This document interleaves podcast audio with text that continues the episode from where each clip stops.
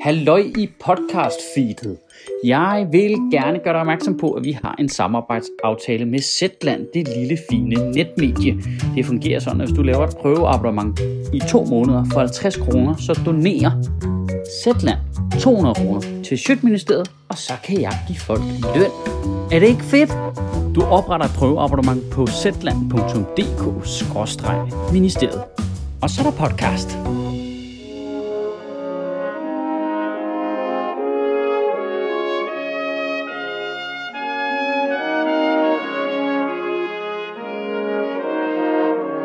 Goddag. Skal vi ikke lige tage den? Skal vi ikke det? Og det, det, det skal vi lige.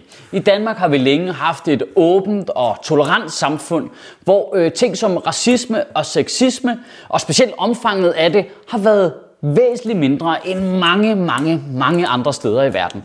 Og det er jo godt, men det har også den super irriterende effekt, at hver gang der så er nogen, der prøver at gøre opmærksom på nogle problemer på de her områder, så er det som om vi slet ikke vil snakke om det, så bliver det hele tiden sådan noget med, jamen du skal også bare være glad for, at du ikke bor i Afghanistan.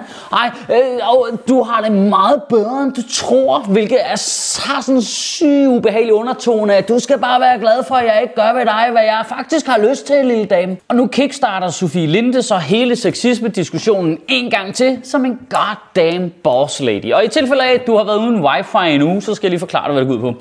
Øh, Sofie Linde er vært til Zulu Comedy Gala, øh, hvor hun vælger øh, på tv at fortælle en personlig historie om dengang hun var 18 år gammel og arbejdede i Danmarks Radio, hvor en mandlig øh, tv-vært øh, trækker hende til side under en julefrokost og siger, at hun skal sutte hans pik, for ellers vil han ødelægge hendes karriere. Og øh, det sagde Sofie Linde nej til, og øh, den øh, lidt hyggelige joke på det er jo, haha, det gik jo godt alligevel. Øh, men jeg vil da sige det sådan, at hvis du er et sted, hvor du arbejder sammen med Thomas Blackman i mere end halvanden time, så, så er der, der nogen, der er i gang med at ødelægge dine drømme. Og alle reaktionerne på Sofie Linde har været identiske med alle de andre gange. Du, du kan virkelig lave sådan et kort over mandlig Boundary, og det bliver bare aktiveret hver gang. Der sker præcis det samme. Så jeg dog synes på den positive side, at det er som om, det bliver mere og mere træt og uentusiastisk nu her, og den 9. gang, vi skal høre på de samme ting.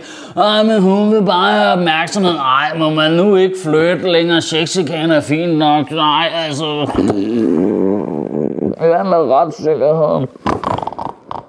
Det, der er så fedt, er, at Sofie Linde personificerer så fint, at det der med at gå op i ligestilling og øh, sexchikane og sådan noget, det er ikke sådan en eller anden elitær ting for folk, der har læst kønsstudier på RUK og sådan noget. Det, det er helt almindelige mennesker, der bliver udsat for det. Det er helt almindelige mennesker, der møder ind på helt almindelige arbejdspladser og skal høre folk sige, ah, man skulle mig du ville være et skarn, hvis ikke man kunne klare et blowjob og en kop kaffe. Ikke også, jeg lærer det. Og hvis man så svarer sådan lidt direkte igen og siger, ej, gid lige at holde kæft med det der.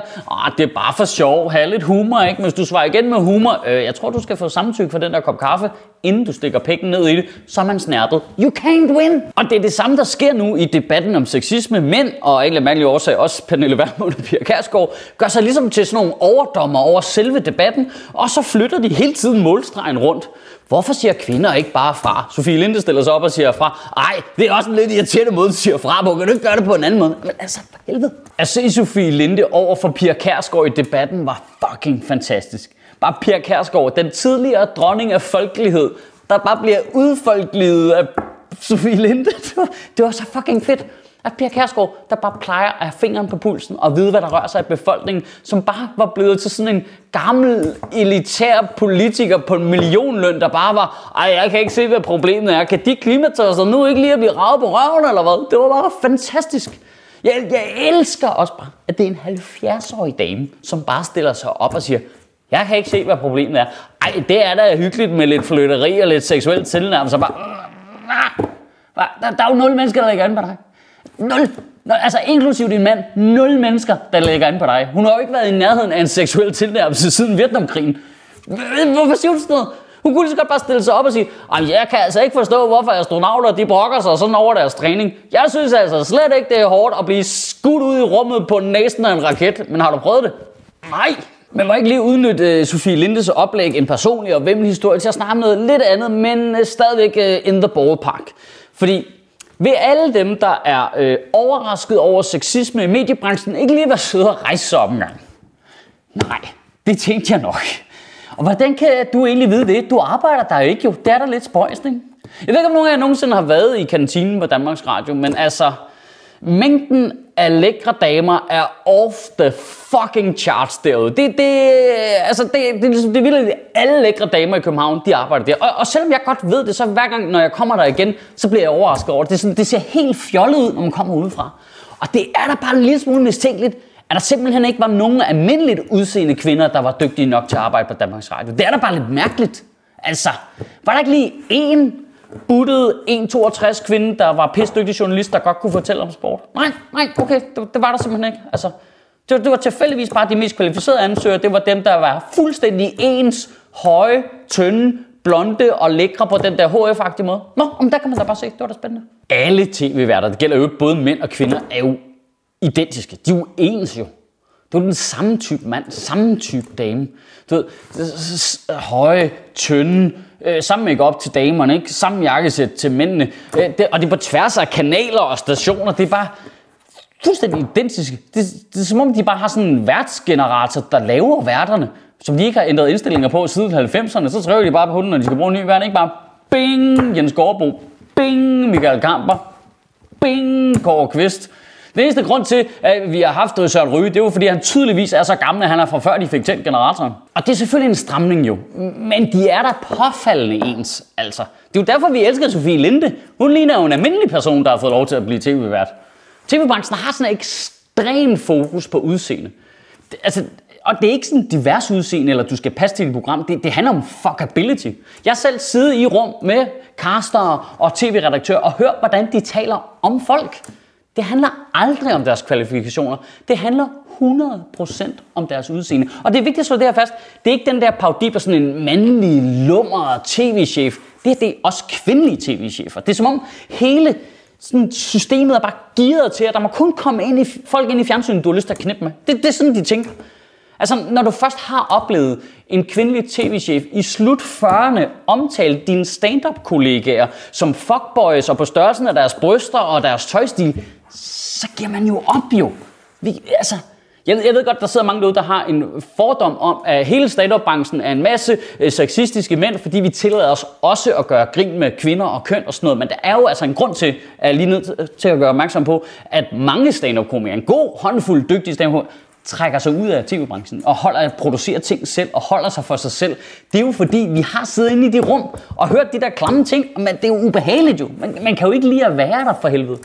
Det siger jo alt om, hvad det er, det handler om. Når Sofie Linde, en tv-vært, der i fjernsynet hele tiden er nødt til at vente til hun er vært på Comedy Gala, før hun kan fortælle sin historie. Ej, bror, jeg kunne blive ved med at fortælle tusind latterlige øh, røverhistorier om det univers der. Og, og, og, og øvrigt, selvom det er suverænt vers for kvinder, så går det jo også ud over mænd i tv-branchen. Altså mængden af gange, jeg har fået at vide til mit ansigt, at det var mit udseende, der var problemet, det er helt latterligt meget. Altså. Så i ugen, der kommer, der synes jeg, at hvis du sidder derude som mand, som en af de her mænd, som øh, ikke rigtig kan lide den her samtale, fordi den ikke handler om dig, men du føler lidt, at du bliver kastet ind under bussen jo, for noget, du ikke har gjort, så synes jeg, du skal tænke over det her. Fordi jeg tror, vi er mange, der har det sådan der. Vi kommer lynhurtigt til at se dumme ud. Altså, sådan som, mænd som brand betragtet, laver lidt en fejl af, at vi lader os definere den der minoritet af typisk øh, lidt ældre mænd, som ikke har noget problem med at råbe op, og som synes, at øh, stamtykke skal man så have nemt det med, øh, der er 60 det er da lidt hyggeligt, er det ikke det? Altså, vi, vi, vi, vi kunne også skrive en klumme, nu siger jeg det bare lige, altså det behøver ikke at være den samme idiot, der skriver alle klummerne. Vi kunne godt øve os bare en lille smule. Altså alle os, der også får det ubehageligt, når vi sidder i et rum, hvor nogen siger noget fuldstændig ublut, sexistisk, klamt lort.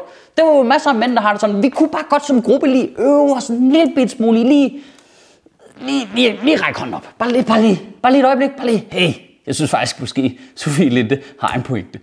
Kan du have en rigtig god uge og bevare min bare røv.